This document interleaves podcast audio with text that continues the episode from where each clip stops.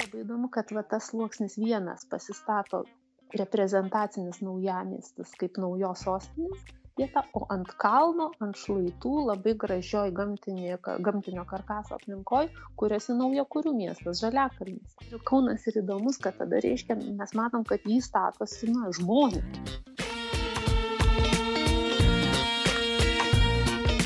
Su jumis Talking Diplomacy. Ir šiame epizode kalbėsime apie paveldo reikšmę Lietuvoje ir kaip Kaunas nori susirinkti visus įmanomus titulus iki 2022. Apie tai mums papasakos Vilniaus universiteto profesorė, architektūros istorikė, knygų autorė Marija Dremaitė.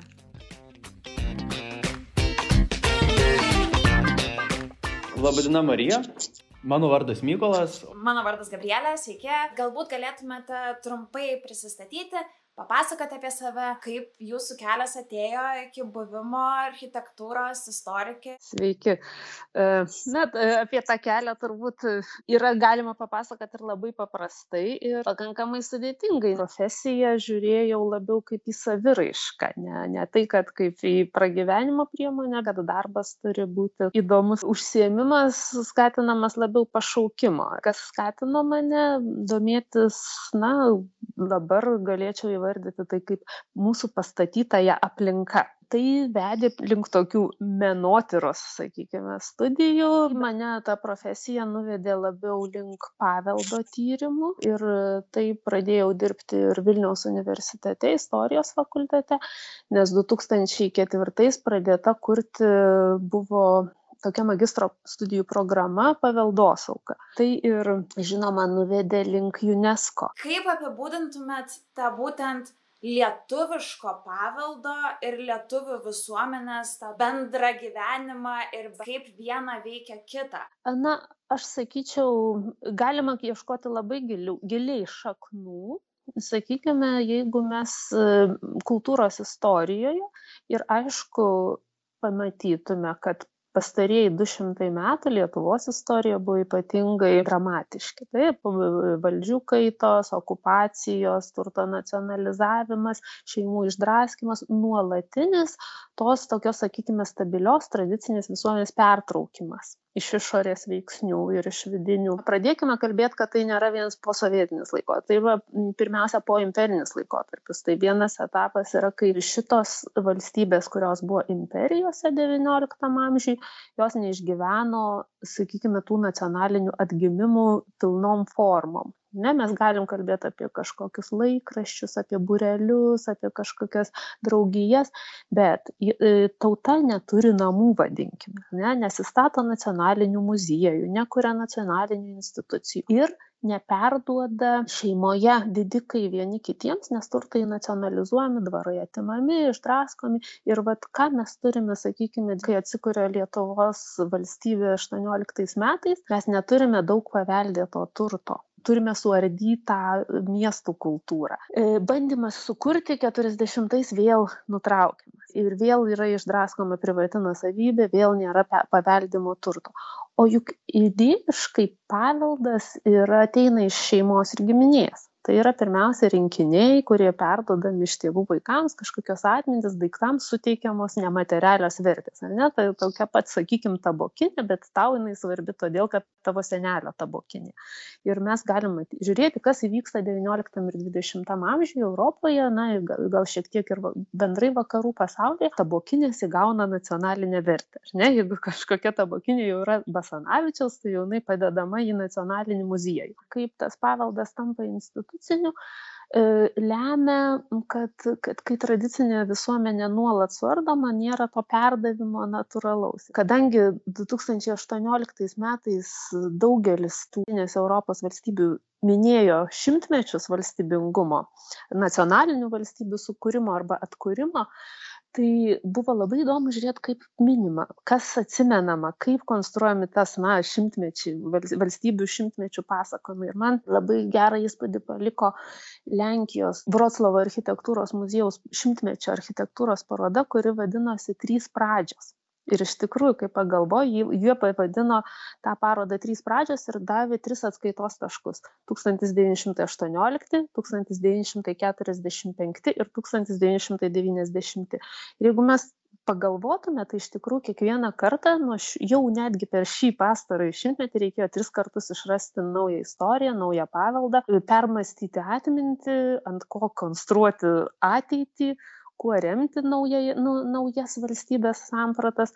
Ir visam tam reikėjo materialinio paveldo tarsi įtvirtinančio. Ne? Tai vad, kas įvyko, na, atsirado kritinis mąstymas, kuris bando suvokti, kad vat, tie pasakojimai yra konstruojami remiantis dabarties poreikiais. Jeigu kokiais 1960-aisiais dar buvo tikima, kad tie materialūs atrinkti daiktai paliudyja tikrą praeitį, bet mes matome, kad labai dažnai tie daiktai atrenkami iš praeities pagal dabarties poreikius tam, kad pagrįstų tuos pasakojimus, kurie reikalingi tuo metu. Norėčiau paklausti, šiek tiek jau pradėjom apie tą UNESCO kalbėti, tai būtent tikriausiai šitą organizaciją, viena be nežinomiausia tikriausiai organizacija pasaulyje, tas santykis Lietuvos ir UNESCO, tas toksai kasdienis, kas savaitinis bendradarbiavimas, kaip jis atrodo, kaip, kuo, kuo jis yra svarbus būtent mums, Lietuvos atžvilgiu. Na, tarp 12 ir 15 metų man teko užimti pareigas Lietuvos nacionalinės UNESCO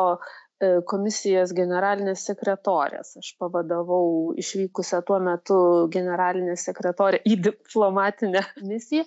Tai vienas tokių pirminių iššūkių man pačiai buvo, ką veikia UNESCO. Ar jinai vis dar aktuali šiandien, nes jeigu mes žinome, kad jinai susikūrė iš karto ant antrojo pasaulinio karo griuvėsių tam, kad per meną ir švietimą pabandytų diegti tą taikos idėją žmonių galvose, nes, kaip sakė, karas, karo mintis užgimsta žmonių mintise, galvose, todėl ir taikos idėją reikia skiepyti pirmiausia galvose. Tai tai atrodė labai kilni misija, kurią inicijavo intelektualai, menininkai, kultūrininkai, kurie sakė, kad na, menas, švietimas ir kultūra be sienų globalus požiūris į mus pačius kaip vienodus žmones kaip pirmiausia kaip humanizmo idėja ir, ir kad jinai geriausia geriausiai ta bendrystė žmonių pažįstama per kultūrą, meną ir švietimą. Tai tai buvo labai kilni idėja ir buvo labai aiški reakcija į tai, kas įvyko, kad įvyko pasaulinė tragedija, kad žmonės išžudė vieni kitus labai keistais pagrindais, ar ne, iki tol net nehuman, nehuman, ne, nesuprantamais logiškai pagrindais ir sugriovė savo pastatytą į pasaulį nepaisant to kad puoselėjo turėjo paveldosaugines institucijas sakė kad e, tam tikrų objektų negalima griauti net jokių konfliktų pagrindu ir tai tai įvyko tai tai pasirodė kad kad tam kažko kažkas neveikia žmonijoje ar ne kad ta tragedija įvyko. Bet aišku du tūkstančiai ten dešimtais ar dvidešimtais metais į ką kokia misija gali būti šitos organizacijos ar ne? Ir mes turim labai labai rimtai paklausti tą klausimą. Pavyzdžiui paveldosauginėje srityje irgi kai buvo sukurta ta konvencija septyniasdešim antrais metais pasaulio paveldo irgi atrodė kad žmonijai reikia diegti idėją kad yra kažkas universalesnio negu siauri sakykime ten regioniniai nacionaliniai interesai ir paveldas gali mums tą parodyti. Kad nuvažiavę į tadž mahalą pažiūrėt visi suvokia kad tai yra šedevras. Ir kad e, daugelis e, skirtų ir lėšų ir energijos kad tas šedevras išliktų toks, koks yra, kad visi žmonijos e, gyventojai, visi žmonės galėtų tuo grožėtis kada nors. Ir būtent tokie dalykai nuolat reguliariai privertė UNESCO kaip organizacija kuri turi tikrai žinias iš viso pasaulio, pamatyti, kad ne, ne visi vakarietiški principai veikia. Taip pat gal dirbant vat, Lietuvos nacionalinėje UNESCO komisijoje pastebėjau, kad vis dėlto Lietuvoje labai na ribota arba siaurai unesco organizacija suprantama būtent daugiau matoma per tą pasaulio paveldo sąrašą. O vis dėlto pagrindinis uždavinys unesco organizacijos tai yra švietimas. Nes na švietimas atveria kelius švietimas padeda išmoko mąstyti kritiškai pradeda padeda suvokti ir galbūt aišku mums vakarietiškam pasaulyje sunku suprasti kad vis dar yra mergaičių švietimo problema ne, kad neprileidžiamas mergaitės prie išsilavinimo arba prie mokymo apskritai dideliuose pasaulio regionuose. Hybridiniai karai parodė mums, kad konvencijos, kurias pasirašo šalis valstybės neveikia, nes nėra prieš ką jos nukreipti. Bet e, tos tendencijos e, turi būti suprantamos, reflektuojamos ir man atrodo, kad UNESCO organizacija ir yra ta, kuri nuolat atsinaujina ir reaguoja jo į aktualijas per kaip galima per kultūrą švietimą ir mokslą diegti taikos idėją pasaulyje. Reiškia vis tiek mes kalbame apie reguliuoti konfliktus taikiomis priemonėmis. Labai įdomi vat jūsų paskutinė mintis nuskambėjo kad taikiomis priemonėmis ir švietimu spręsti tas tokias pasaulinius konfliktus ir pasaulines idėjas. Ar gali lietuva prisidėti kaip maža šalis, kaip galbūt netokia stipri šalis prie sprendimų. Turėtume mąstyti apie intelektinį potencialą. Ir nebūtinai reikia būti dideliu ne, kad sugalvot arba pasiūlyt gerą idėją. Tai, tai vat, yra atviro mąstymo ir, ir kuo, kuo platesnio mąstymo padarinys. Sakykime, Lietuva UNESCO organizacijoje ilgą laiką pasirodė labai gerai su menininkos, čia maž, maž papasakosiu vat, mažą detalę, bet pavyzdžiui, menininko statuso dėgymas, kaip, sakykime, sunormalizuoti ir socialiai apsaugoti laisvųjų profesijų atstovus. Ir, pavyzdžiui, kultūros ministerijos įdėktas menininko statuso aprašas ir, ir visas tas reguliavimas kultūrinės įvairovės srityje buvo labai taip pristatomas kaip net ir pavyzdinis. Daugelis šalių UNESCO organizacijoje mokėsi iš to, žiūrėjo tą mokėsi, studijavo tą aprašą ir visą tą praktiką, kaip, kaip, kaip veikia.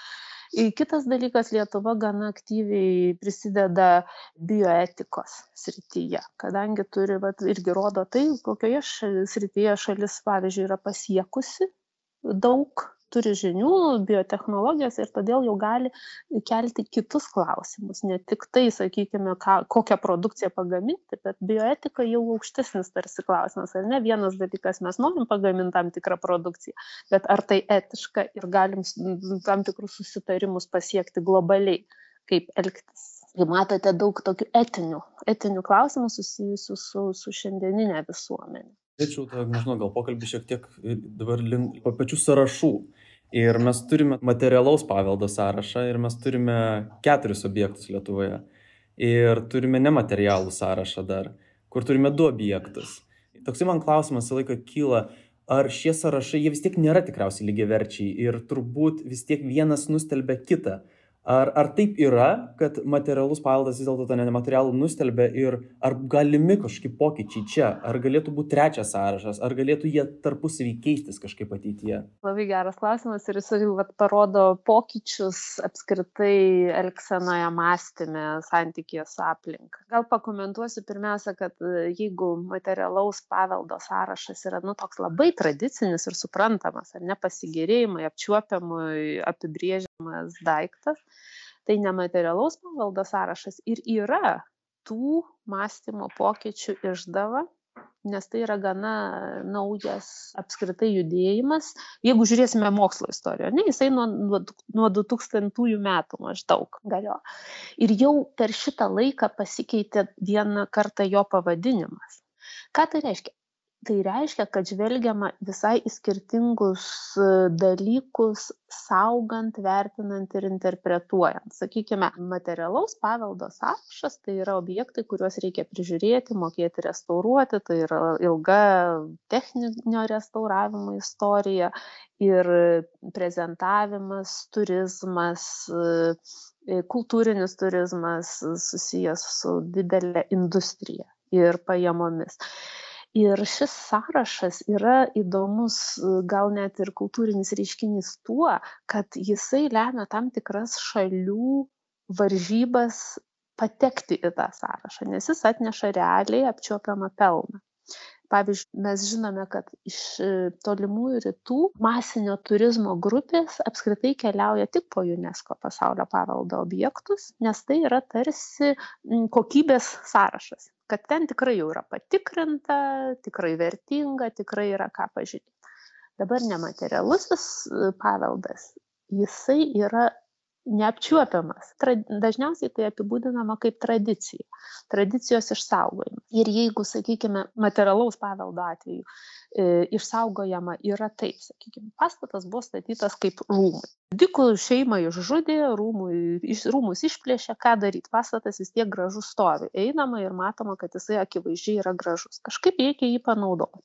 Greičiausiai turbūt bus panaudojama muziejui. Tai kažkuria prasme mes galim pasakyti, kad pastato funkcija jau pakeista, bet jo materija saugoma, restauruojama ir demonstruojama ir taip kuriama antra, trečia panauda. Su nematerialiu paveldu istorija šiek tiek kitokia. Sakykime, kryždirbystė Lietuvoje saugoma. Tai yra tradicija jinai gyva tol kol yra panauda poreikis tų kryžių statymas e, tauta religinga jinai atsinaujina ir nuolat yra poreikis tų naujų dalykų medituoti perinterpretuoti statyti pakelėse ar kažkur kitur kai tokios tradicijos nebėra ar sakykime visuomenė sekuliarėja ar ne ir ką ir prie kryžiai pradeda iš pakelių persikraustyti į muziejus kažkodėl žmonės ateina iš kitų gyvenamųjų aplinkų sakykim iš šeškinės ateina į muziejų pasižiūrėt hm kodėl čia dabar surinkta tam tikrų medinių kryžių?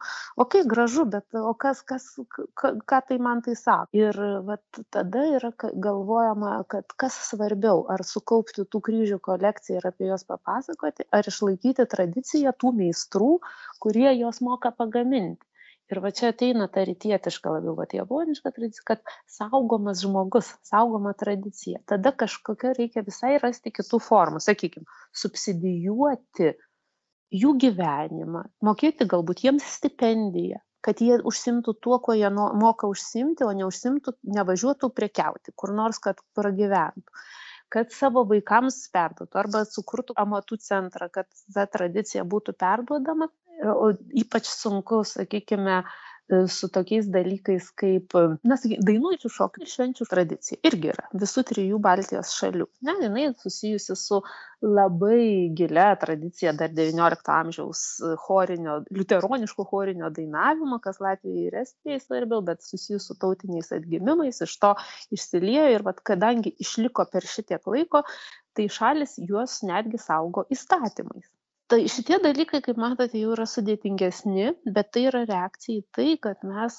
pasaulis mato kad paveldas yra ne tik materialus ne tik daiktas bet yra ir idėjos tradicijos ir atsiranda tokių vat dalykų o kaip tą tradiciją išsaugoti jeigu jinai natūraliai miršta. Ar galima ją dirbtinai palaikyt o gal kažkaip sukurti natūralų būvį kad jinai išsilaikytų. Tai man atrodo vienas iš tokių originalesnių globaliai dalykų ir buvo va tas nematerialaus paveldo viešinimas ir būdų, metodų jam išsaugoti sukūrimas. Tai čia tikrai atėjo iš, iš UNESCO tradicijos.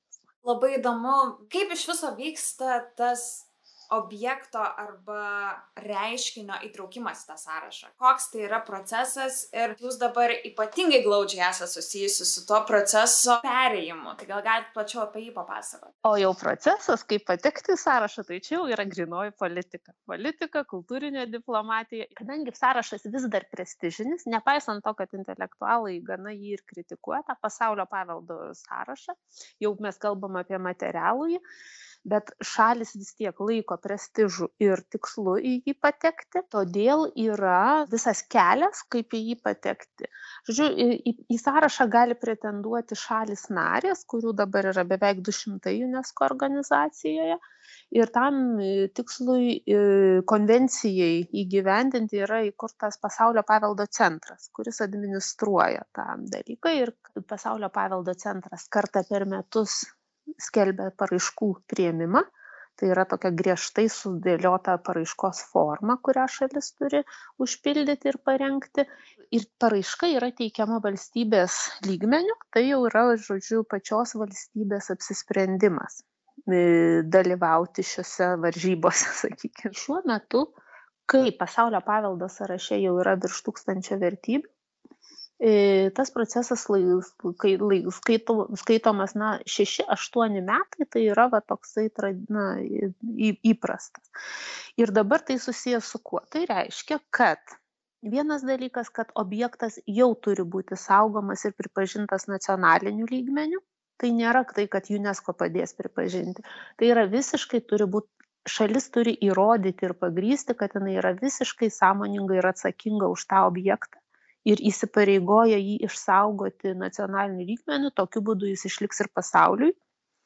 Ir kitas dalykas turi atlikti gana išsamią mokslinę analizę pagrįsdama kad tai yra iš tikrųjų išskirtinė pasaulinė vertė kad toks objektas pasaulyje yra vienintelis svarbus ir išlikęs autentiškas tai kam aš dabar vat į ką įsitraukus tai tai kauno modernizmo architektūros paraiškos rengimas. E, šiaip visa idėja pradėta vystyti nuo 2012 metų, na tai va, tai mes jau galim sakyti, kad nuo idėjos už, už, užuomasgos jau ir būtų kokie 8 metai. E, rimčiau pradėta dirbti 15 metais 44 Kauno modernizmo architektūros objektams buvo suteiktas Europos paveldo ženklas ir po to jau kai kadangi tai buvo įvertinta europiniu lygmeniu tai buvo atsispirta kad tai yra gal ir rimta paraiška pretenduoti į pasaulio paveldą ir septynioliktais metais jau kauno miesto savivaldybė subūrė darbo grupę kuri pradėjo rengti grynai jau tą paraišką ir pateikė e, prelimina, į preliminarų sąrašą. E, apie tą preliminarų sąrašą reikia pasakyti tokį vieną svarbų dalyką tai nėra UNESCO pripažinimas. Tai yra pareiškimas, kad šalis narė, kuri yra UNESCO organizacijos narė, gali pateikti preliminarią paraišką, parodanti, kad jinai pretenduoja teikti rimtą paraišką. Tai ir buvo pateiktas tas Kauno modernizmo architektūros į preliminarų į sąrašą ir dabar mes orientuojamės kad dvidešim antriems metams į pasaulio paveldo sesiją būtų įtraukta jau šis svarstymas nes vat pateikėme paraišką e, rugsėjo trisdešimtą dieną. Dabar laukiame išvadų kad e, ar ar jinai turi potencialo ir jeigu taip tai tada vasario pirmai dienai teiksime tą vadinamąją pilną galutinę paraišką. Tai yra tikrai didelis ir ilgas darbas apie du šimtai puslapių paraiška su labai daug ekspertinių žinių planų brėžinių lyginamųjų analizių istorinių duomenų archyvinių duomenų žodžiu vat visas tas toksai toks apibendrinimas pagrindžiantis kad šalis turi įvertino ką turi jinai tai saugo jinai numa tu yra pasirengus strategiją kaip tai paži prižiūrės ir išsaugos e, ateičiai jeigu tai taps pasaulio paveldu.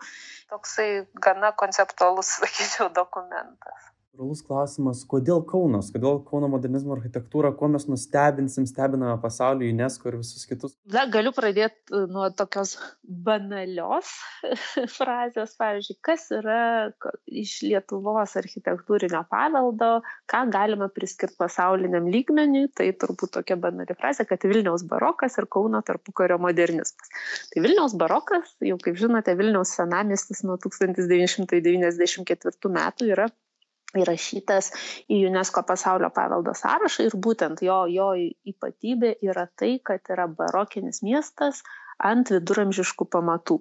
Žodžiu, susiduria dvi, du sluoksniai. Miesto planas, gatvelių tinklas ir kvartalai nepakito, tačiau ant jo išaugo barokiniai bokštai, barokiniai ansambliai ir, ta, žodžiu, tai toksai va tapo hybridas, kuris sukūrė unikalų miestovaizdį senamiščio kauno atvejis yra išskirtinis e, pasaulyje bent jau mes taip teigiame kaunas yra išskirtinis tarpukario miestas globaliu mastu kaip laikinoji sostinė kuriame labai dinamiškai buvo per dvidešim metų pastatytas modernus naujas miestas. Sumaniai panaudojant buvusios carinės tvirtovės palikimą ir buvusį carinį naujamiestį ant jo išauginus modernų modernios architektūros miestą, kuris absorbavo visas pasaulinės tendencijas ir sutraukė į Kauną. Ir tas naujos valstybės ir naujos sostinės impulsas skatino pastatyti kažką labai gražaus, labai gero, labai koncentruoto mažoje vietoje, na ir, ir tokioje apibrieštoje vietoje ir didelė sankaupa geros architektūros, kuri, kas yra labai svarbu, išliko autentiška. Labai įdomu iš tiesų, kad per tą būtent architektūrinį aspektą galima netgi matyti Lietuvos istoriją, kaip, kaip ir jūs sakėt, kad per 20 metų išaugo nauja sostinė. Kaip galima ateityje išsaugoti tas, tą būtent modernizmą Kauno ir kokie būdai, kokie procesai tai leistų padaryti? Na, pirmas dalykas, kas yra įdomu, tai kad siūloma saugoti ne pavienius pastatus, bet miestą miesto dalį. Irgi mes tai vadiname istorinė miesto dalis, bet tiesiog tas, ta istorija yra gana nauja, 20-ojo amžiaus istorija.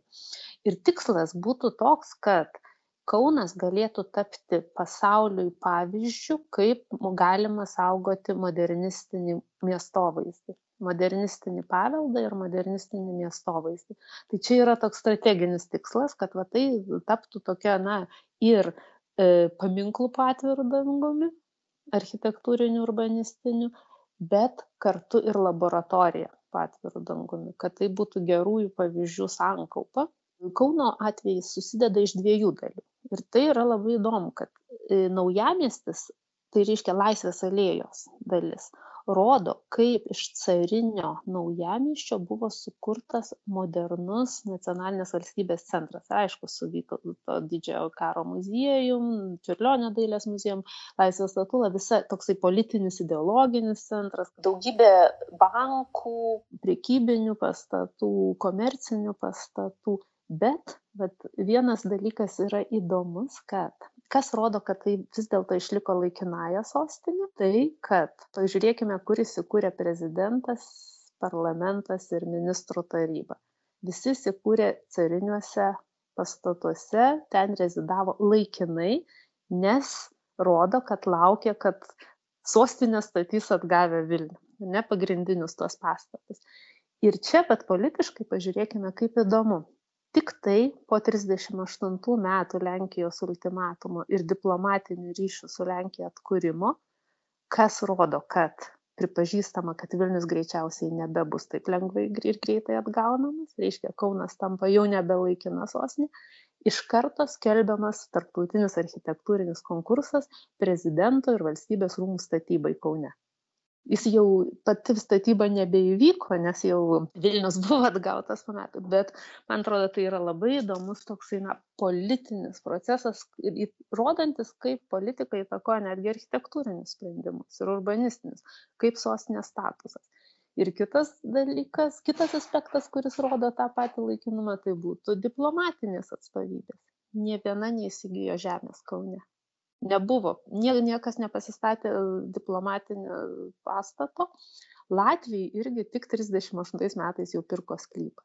Reiškia irgi visi tik nuomoja e, erdves ir rodo labai aiškiai kad jie laukia kai kursis jau tikroje patvirtintoje sostinėje. Tačiau vat tuo tuo požiūriu kaunas ir įdomus kad tada reiškia mes matom kad jį statosi na žmonės vis tiek ten reikia gyventi dirbti verslas komercija aukštoji mokykla universitetas atsiranda ir meno mokykla e, muziejai kultūros įstaigos ir va tai ir užsuka visą tą tą tą statybą nepaprastai.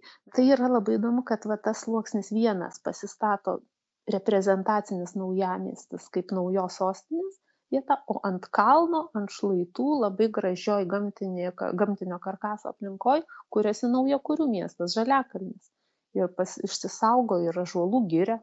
Čia yra sprendimas juk sąmoningas kad ąžuolyną išsaugoti kaip sporto tokio ir laisvalaikio vietą nes sportuoti reikia gamtoje. Tai labai tokia modernistinė samprata. Statosi ten sporto halę sporto rūmus ir visus tokius specialiai tam jau sukurtus naujus pastatus. Ir daugybė sodybinio užstatymo tų privačių namų. Ir ten matome visą spektrą modernistinių vilų įvairaus stiliaus įvairių pajamų taip pat tam pramaišiui labai įdomu socialiniu požiūriu kad yra statomi ir mediniai keturbučiai aštuonbučiai šešiolikabučiai tokie vat sakytume šiuo metu kaip na labiau gal nuomojamo būsto tokie namai šalia tų vilų. Nu, kad, taip, kad ta, tai galėtų būti na, toks saldainiukas jį išsutvarkius ir šalis. Ir man atrodo, kad savininkų kaune požiūris dabar labai stipriai keičiasi. Tai vertinama, toks gyvenimo būdas ir tokia gyvenamoji erdvė, kad galim matyti, kad prie visos tos materijos atsiranda ir nemateriali vertė. Žmonės vertina savo gyvenamąją aplinką, tai vadinamoji tokia filotopija, meilė vietai atsiranda. Mes taip jau sustojame ties to Kaunu ir Kaunas 2022 metais turės labai nuostabų ir gražų titulą kaip Europos kultūros sostinė. Jau dabar vyksta be galo daug gražių renginių, pasiruošiamųjų, tokių kaip renginių, tai iš tikrųjų tas dėmesys auga, didėja ir ar 22 metais sutrauksime to viso pasaulio dėmesį ir kuo tai bus reikšminga iš tikrųjų Kaunui. Kauno Europos sostinės komandą apskritai reikia pagirti dėl labai gero strateginio mąstymo, ar ne? Nes e, mes galim pirmą kartą taip aiškiai matyti, kad 22 bus kulminacija, bet kur kas svarbiau buvo, kad prieš penkis metus pradėta ruoštis ir auginti tą ir modernizmas ateičiai viena iš šešių programų rodo kad visa kultūros sostinė auginama remiantis į atmintį į būtent šitą vat tarpukario idėjas, tarpukario miestą, tarpukario miesto kultūrą ir kad tas paveldas taip pat įtraukiamas į kultūros sostinės judėjimą ir jį galima ne tik saugoti ir restauruoti, bet meniškai interpretuoti. Tai tampa impulsu, kūrybiniu impulsu, iš ko galima atsispirti, sakykime, politiškai mes galim žavėtis žmonėmis kurie sugebėjo susiburti devynioliktų metų sausio pirmą atvykę traukiniu į apleistą provincijos miestą susitelkti ir sukurti per dvidešim metų sostinę. Nors buvo lygiai tiek pat politinių įtampų partinių rietenų pinigų trūkumo ir visokių kitokių dalykų bet jie tą sugebėjo padaryti ar ne? Ir mes galim vat žavėtis tokiu elgesiu. Bet bendrai tai kad tas palikimas buvo sukurtas ir jis išliko ir vienas iš tokių pastebėjimų mūsų tyrimų grupės buvo, kad tai buvo toks stiprus kūrybinis ir kultūrinis impulsas ta tarpukario architektūra, kad 60-aisiais jau sovietiniais metais jinai vis tiek buvo visą laiką šalia, ji matoma, liečiama, žmonės joje gyveno, pro ją ėjo, jinai netgi įtakojo to meto architektų sluoksnį ir netgi tas pokarinis modernizmas arba sovietinis modernizmas kaune yra kitoks negu vilniuj jis yra kokybiškesnis elegantiškesnis. Tai manau kad e, kaunas europos kultūros sostinė labai stipriai atsispiria į tą laikotarpį ir jeigu pataptų dvidešim antrais kaunas ir unesco pasaulio paveldo vieta ir Europos kultūros sostinė, tai turbūt jau būtų ta kulminacija, kuri įteisintų na, ir, ir pasauliniu mastu įtvirtintų tam tikrus tokius kodus. Tai tada, Marija, paskutinis klausimas būtų ta tokia pakilia gaida. Mūsų tinklalė tokia turi kaip ir tradicija. Kiekvieną pašnekovą prašome, ko nors palinkėti. Tai ir paprašysime jūsų palinkėti kažko Lietuvai ir galbūt netgi Kaunui. Tiek Kauno ateičiai, tiek tiems 22 metams. Gali palinkėti išsivaduoti iš kompleksuoto paauglio mąstymo ir pradėti mąstyti kaip brandžios asmenybės, kad kurios suvokia, ką turi ir moka tai saugoti ir pasidalinti su visų pasauliu žmonijos pasiekimu. Čia ir vėl buvo Talking Diplomacy. Ačiū, kad klausėte. Jeigu norite nepraleisti būsimų mūsų tinklalais epizodų, nepamirškite sekti Užsienio reikalų ministerijos visose socialinių tinklų puslapiuose, o taip pat prenumeruoti mūsų tinklaldę Spotify platformoje arba bet kur, kur klausite savo mėgiamiausių podcastų. Iki kitų kartų.